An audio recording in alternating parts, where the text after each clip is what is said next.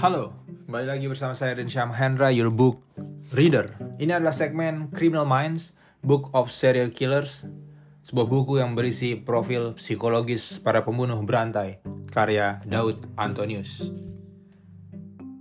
Kita sudah ada di bab serial killer legendaris, Jack the Ripper, si pencabik legendaris yang penuh misteri.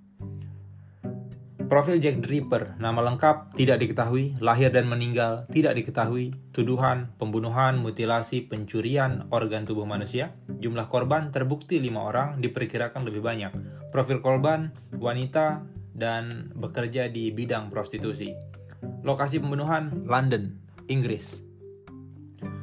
Fear is a hungry beast. More you feed it, more it grows. Carrie Maniscalco jika bicara mengenai kasus pembunuhan berantai, rasanya tidak lengkap tanpa membahas Jack the Ripper, seorang pembunuh yang sampai saat ini masih menjadi misteri keberadaannya, tidak pernah benar-benar diketahui. Namun, kisah legendarisnya masih bisa kita dengar dan saksikan sampai saat ini melalui banyak karya sastra ataupun film. Pembunuhan di Whitechapel Kasus pembunuhan Jack the Ripper yang masih belum secara utuh terungkap Padahal sudah mencapai 130 tahun berlalu, ia juga adalah seorang pembunuh berantai yang mendapatkan atensi serta publikasi yang besar dari berbagai media. Jack the Ripper memulai aksinya di salah satu kawasan kumuh di Inggris, tepatnya di distrik Whitechapel, London. Ia beraksi sekitar tahun 1888. Di daerah Whitechapel, uh, tempatnya beraksi memang sangat terkenal sebagai daerah miskin sejak 1882 Daerah tersebut sangat padat oleh penduduk imigran atau pendatang dari daerah lain. Banyak juga pengungsi dari Eropa Timur, Yahudi, Rusia, dan Irlandia yang berjuang untuk mencari pekerjaan di sana. Kepadatan penduduk tersebut kemudian mendatangkan masalah berupa makin sulitnya pekerjaan dan pemukiman, yang disertai dengan makin maraknya aksi pencurian, kekerasan, perampokan, dan pengedaran obat terlarang. Kemiskinan yang terjadi di daerah tersebut juga turut memicu banyak perempuan yang bekerja di bidang prostitusi atau pekerja seks komersial. Bahkan pemerintah daerah sendiri mendata ada sekitar 1.200 perempuan yang aktif bekerja pada bidang tersebut. Dalam kurung waktu tahun 1888 sampai 1891, terdapat 11 kasus pembunuhan di daerah tersebut. Beberapa kasus mirip dan cukup sadis dalam metode dan aksi pembunuhannya. Dari 11 kasus tersebut, terindikasi 5 di antaranya diyakini dilakukan oleh Jack the Ripper karena memiliki metode dan profil korban yang sama. Metode pembunuhan dan profil korban dari lima orang korban yang diyakini dibunuh oleh Jack the Ripper, semuanya memiliki profesi sebagai pekerja seks komersial. Selain itu, terdapat pula ciri khas metode pembunuhan yaitu terdapat irisan menyamping di tenggorokan korban. Terdapat luka di bagian perut atau organ vitalnya. Ia juga mutilasi dan mengambil salah satu bagian tubuh dari korbannya atau organ dalamnya dibedah untuk kemudian diambil. Berikut adalah beberapa orang korban yang teridentifikasi. Mary Ann Nichols, 43 tahun, 31 Agustus 1888. Korban pertama ditemukan pada jam 3.40 pagi. Orang yang menemukannya pada awalnya mengira Mary sedang mabuk dan memanggil polisi. Setelah melakukan penyelidikan dan mendatangkan dokter, ternyata Mary sudah tewas kurang lebih 30 menit sebelumnya. Pada jasadnya terdapat luka di bagian tenggorokan yang disayat dari kiri ke kanan, perutnya juga disobek dengan pisau bergerigi. Menurut dokter yang memeriksa jasadnya, Mary dibunuh di tempat yang berbeda, lalu kemudian dipindahkan. Ada kemungkinan juga bahwa Mary tewas akibat luka di bagian leher. Uh, baru setelah itu perutnya disayat oleh pelaku. Dalam sebuah keterangan, William Nichols, mantan suami Mary, menyatakan bahwa Mary memang memiliki kebiasaan minum. Salah satu alasan mereka bercerai juga karena hal tersebut. Mary dan Williams memiliki lima orang anak. Mary juga pernah bekerja sebagai seorang pembantu rumah tangga. Mantan suaminya sempat memberikan uang tanggungan setelah bercerai. Karena itu memang diharuskan secara hukum. Tapi setelah diketahui Mary juga mengambil pekerjaan sebagai PSK, tunjangan tersebut tidak diwajibkan kembali. Sebelum meninggal, sebelum meninggal, Mary Ann diketahui juga bekerja serabutan untuk hidup. Ia juga tinggal di penginapan umum dan berbagi kamar dengan temannya. Yang kedua, Annie Kaufman, 47 tahun, 8 September 1888. Mayat Annie ditemukan pada tanggal 8 September 1888 sekitar jam 6 pagi. Agak berbeda dengan korban pertama. Di korban kedua ini, Jack Dripper tampak lebih sadis dan menunjukkan kekejamannya. Selain mengalami luka sayatan di tenggorokan dan perut yang sama seperti korban sebelumnya, bagian ususnya juga terlempar keluar dan bagian rahimnya hilang atau sengaja diambil oleh pelakunya. Annie Campman diketahui adalah seorang pekerja serabutan dan juga pekerja prostitusi. Ia adalah ibu dari tiga orang anak. Ia menikah dengan John Campman yang memiliki cacat bawaan ketika kecil. Anak pertamanya diketahui meninggal karena peradangan di bagian otak. Setelah kejadian tersebut, Annie dan suaminya menjadi pecandu alkohol berat. Sampai akhirnya ia bercerai dari suaminya. Pada saat-saat terakhirnya, Annie terlihat sedang mencari uang di jalan untuk membayar sewa penginapannya. Dalam keterangan saksi, mereka juga melihat melihatnya berbincang dengan seorang pria pada detik-detik sebelum kematiannya. Annie lalu ditemukan oleh seorang tukang kayu yang mendengar suara seperti benda jatuh. Setelah meninggal, salah satu anaknya masih bersekolah atas bantuan pemerintah. Sementara anak perempuannya yang sudah beranjak remaja memilih untuk bergabung di sirkus dan pergi ke Prancis. Yang ketiga, Elizabeth Stride, 44 tahun, 30 September 1888. Elizabeth adalah orang asli Swedia yang kemudian berpindah ke London untuk mencari pekerjaan. Sebelum bekerja di bidang prostitusi, ia diketahui sempat menjadi pembantu rumah tangga di beberapa tempat berbeda. Ia menikah dengan seorang tukang kayu yang usianya berbeda 13 tahun dengannya. Suaminya meninggal karena TBC dan mereka dikatakan tidak memiliki keturunan. Menurut keterangan medis, Elizabeth pernah dirawat dua kali karena penyakit menular seksual dan sempat melahirkan seorang anak. Namun, anak tersebut meninggal dalam proses persalinan. Mayat Elizabeth ditemukan sekitar jam 1 pagi pada tanggal 30 September 1888. Agak berbeda dengan dua korban sebelumnya, mayat Elizabeth tidak dimutilasi. Ada kemungkinan bahwa pembunuhnya mendapatkan sedikit gangguan dalam penyempurnaan aksinya atau Elizabeth melakukan perlawanan sehingga pembunuhnya mengalami kesulitan. Korban keempat, Catherine Edwards, 46 tahun, 30 September 1888. Masih di hari yang sama, sekitar jam 2 dini hari, Catherine Edwards ditemukan tewas dengan sejumlah luka, termasuk luka sayatan di bagian sekitar wajah dan bagian telinganya juga dipotong, bagian rahim dan ginjal kirinya juga menghilang. Menurut dokter yang memeriksanya, sama seperti korban lainnya, Catherine juga tewas karena luka sayatan di bagian leher. Ia ditemukan dalam jarak 1,6 km dari pembunuhan sebelumnya. Catherine Edwards diketahui memiliki satu orang putri dan dua orang putra. Ia meninggalkan keluarganya setelah memiliki kebiasaan minum alkohol. Ia lalu memilih untuk tinggal di kawasan Whitechapel bersama dengan kekasih barunya, seorang mantan tentara. Sama seperti korban lainnya, Catherine juga berprofesi sebagai pekerja seks komersial. Bahkan sebelum ditemukan tewas, polisi sempat menemukannya sehari sebelum kejadian di jam 8.30 malam dalam keadaan mabuk. Ia lalu terlihat sekitar jam 1 pagi berbicara dengan seorang asing yang diduga ingin menyewa jasanya. Dan yang kelima, Mary Jane Kelly, 25 tahun, 9 November 1888. Mary adalah korban terakhir dan termuda dari Jack the Ripper, agak berbeda dengan korban lainnya yang rata-rata ditemukan di jalan. Mary ditemukan di tempat tinggalnya sendiri. Ia juga mengalami perlakuan paling sadis dibandingkan dengan korban-korban lainnya. Karena pada saat ditemukan, bagian tubuhnya dikuliti. Permukaan tubuhnya dikelupas oleh si pelaku tersebut. Isi perutnya juga dikeluarkan. Lengan, leher, dan bagian tubuh lainnya juga termutilasi.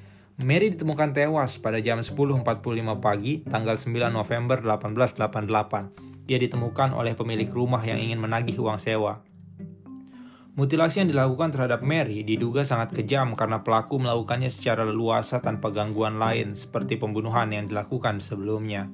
Saksi bersaksi bahwa Mary masih terlihat pulang dalam keadaan mabuk pada jam 11 sehari sebelum kematiannya Mary juga masih terdengar menyanyi pada jam 1 pagi, dan 30 menit kemudian tidak ada lagi suara yang terdengar sampai akhirnya ia ditemukan tewas. Surat pembunuhan Jack the Ripper Kasus Jack the Ripper menarik perhatian masyarakat dan media yang pada saat itu juga mempublikasikannya secara besar-besaran. Polisi dan koran lokal juga mendapatkan ratusan surat anonim tanpa nama terkait dengan kasus ini. Beberapa di antara surat tersebut diyakini dikirim oleh pelaku yang sesungguhnya. Walaupun sampai saat ini hal tersebut masih menjadi perdebatan.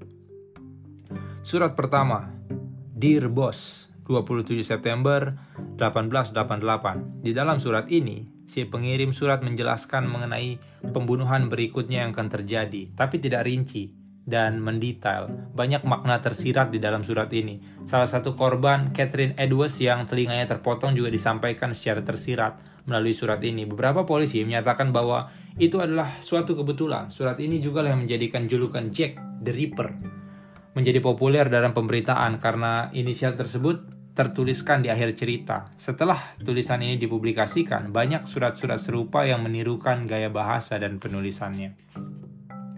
Surat kedua, kartu pos Sosi Jackie, 1 Oktober 1888. Surat kedua yang diduga dikirimkan oleh Jack the Ripper adalah sebuah kartu pos berjudul Sosi Jackie. Di dalamnya yang terdapat uh, petunjuk mengenai korban ketiga dan keempat atau yang lebih dikenal sebagai pembunuhan ganda. Tata bahasa dan tulisan dalam kartu pos ini serupa dengan surat Dear Boss ada rumor yang mengatakan bahwa surat ini diterima sebelum kejadian pembunuhan ganda. Itu berlangsung dan menjelaskan mengenai lokasi pembunuhan di dua tempat yang berbeda. Namun dalam keterangan resminya, polisi menyatakan baru menerima surat ini sehari setelah pembunuhan itu terjadi. Surat ketiga, From Hell, 16 Oktober 1888. Surat ketiga ini diterima oleh seorang pejabat daerah setempat dan gaya bahasa serta tulisannya berbeda dengan dua surat yang sebelumnya. Namun yang cukup mengerikan adalah surat ini dikirimkan beserta sebuah kotak kecil yang berisi separuh ginjal yang telah diawetkan dalam alkohol. Dalam surat itu, pengirimnya menyatakan bahwa separuh dari ginjalnya telah dimasak dan dimakan. Pada 7 Oktober 1888, sebelum surat ketiga diterima, seorang pimpinan surat kabar menduga bahwa surat Dirbos dan Sosi Jeki adalah hasil rekayasa untuk menaikkan minat masyarakat terhadap kasusnya. Baru belakangan, pada tahun 1931, seorang jurnalis bernama Fred Best mengakui telah merekayasa dua surat dari Jack the Ripper untuk membuat bisnisnya berkembang. Hingga saat ini, surat-surat tersebut masih tidak diketahui kebenarannya, apakah benar-benar ditulis oleh pelaku pembunuhan atau benar-benar hasil rekayasa dari media. Para terduga pelaku pembunuhan Dalam upaya memecahkan kasus pembunuhan sadis ini, pihak kepolisian banyak memprofil pekerjaan seseorang yang berhubungan dengan anatomi, dokter, ahli bedah, bahkan tukang potong hewan – Melalui penyelidikan tersebut, setidaknya ada sekitar 2.000 orang yang telah diwawancarai dan ada sekitar 300 orang yang menjalani investigasi mendalam. Kemudian ada sekitar 80 orang yang ditahan. Jadi, tersangka dalam kasus ini sangat banyak, walaupun sampai saat ini kasusnya belum benar-benar terungkap. Bahkan, masyarakat juga membentuk tim patroli khusus dan menyewa detektif swasta untuk berjaga-jaga. Dari puluhan tersangka yang diduga adalah Jack the Ripper, beberapa di antaranya memang merupakan pelaku kriminal dan juga pembunuh dalam kasus lainnya. Berikut ini adalah profil dari beberapa kandidat kuat yang mungkin saja pelaku yang sebenarnya. Yang pertama, Aaron Kosminski, seorang ahli tata rambut keturunan Polandia dan Yahudi. Ia dicurigai karena pernah ditahan akibat mengancam saudaranya sendiri dengan pisau Aaron juga memiliki riwayat penyakit kejiwaan. Ia memiliki perilaku yang, delusio, yang delusial dan tercatat banyak menunjukkan gejala psikosis. Bahkan salah satu penemuan paling baru mengenai kasus ini menyatakan bahwa Aaron adalah pelakunya. Data ini didapat dari DNA celemek uh, yang menjadi barang bukti. Namun ada juga yang menyanggahnya dan menyatakan bahwa DNA tersebut dimiliki oleh banyak orang pada zaman itu. William Henry Barry seorang tersangka pembunuhan dan dari istrinya sendiri yang juga merupakan pekerja seks komersial. Ia sempat melaporkan bahwa istrinya mati bunuh diri, tapi ada yang janggal dan polisi pun melakukan penyelidikan lanjutan. Karena profil dan cara membunuh yang sama, ia pun dikaitkan dengan Jack the Ripper. Namun, sebelum pada akhirnya ia dihukum dengan cara eksekusi gantung, ia menyatakan bahwa ia bukanlah Jack the Ripper. Yang ketiga, Thomas Neil Cream Seorang dokter yang sering melakukan praktik aborsi, ia juga menjadi tersangka dalam pembunuhan suami dari kekasih gelapnya. Ia mengaku sebagai Jack the Ripper, namun hal tersebut tidak bisa dipercayai karena dalam beberapa peristiwa pembunuhan yang terjadi, ia sedang ada dalam tahanan penjara. Ia kemudian dihukum dengan cara digantung atas kesalahannya. Yang terakhir, uh, Montague John Druitt, seorang pengacara dan asisten kepala sekolah. Ketika kasus Jack the Ripper sedang hangat, ia sedang membuka praktik hukumnya di lokasi dekat pembunuhan. Tapi ia kemudian ditemukan tewas bunuh diri dengan cara menenggelamkan diri ke sungai. Hal tersebut diduga akibat stres dalam pekerjaannya. Ia dikeluarkan dari pekerjaannya sebagai asisten kepala sekolah karena orientasi seksualnya adalah penyuka sesama jenis. Teori konspirasi Jack the Ripper Yang pertama, Jack the Ripper adalah seorang perempuan, bukan laki-laki. Salah satu teori yang populer menyatakan bahwa Jack the Ripper adalah seorang perempuan atau diistilahkan sebagai Jill the Ripper. Salah seorang yang terduga kuat Jill the Ripper adalah wanita Inggris bernama Mary Piercy. Mary adalah tersangka kasus pembunuhan seorang anak dan wanita yang merupakan istri dari selingkuhannya. Ia diputuskan bersalah dan dihukum gantung pada 1890. Banyak orang percaya bahwa korban Jack the Ripper tidak muncul kembali karena uh, Mary sudah mati. Yang kedua, skandal Pangeran Albert Victor.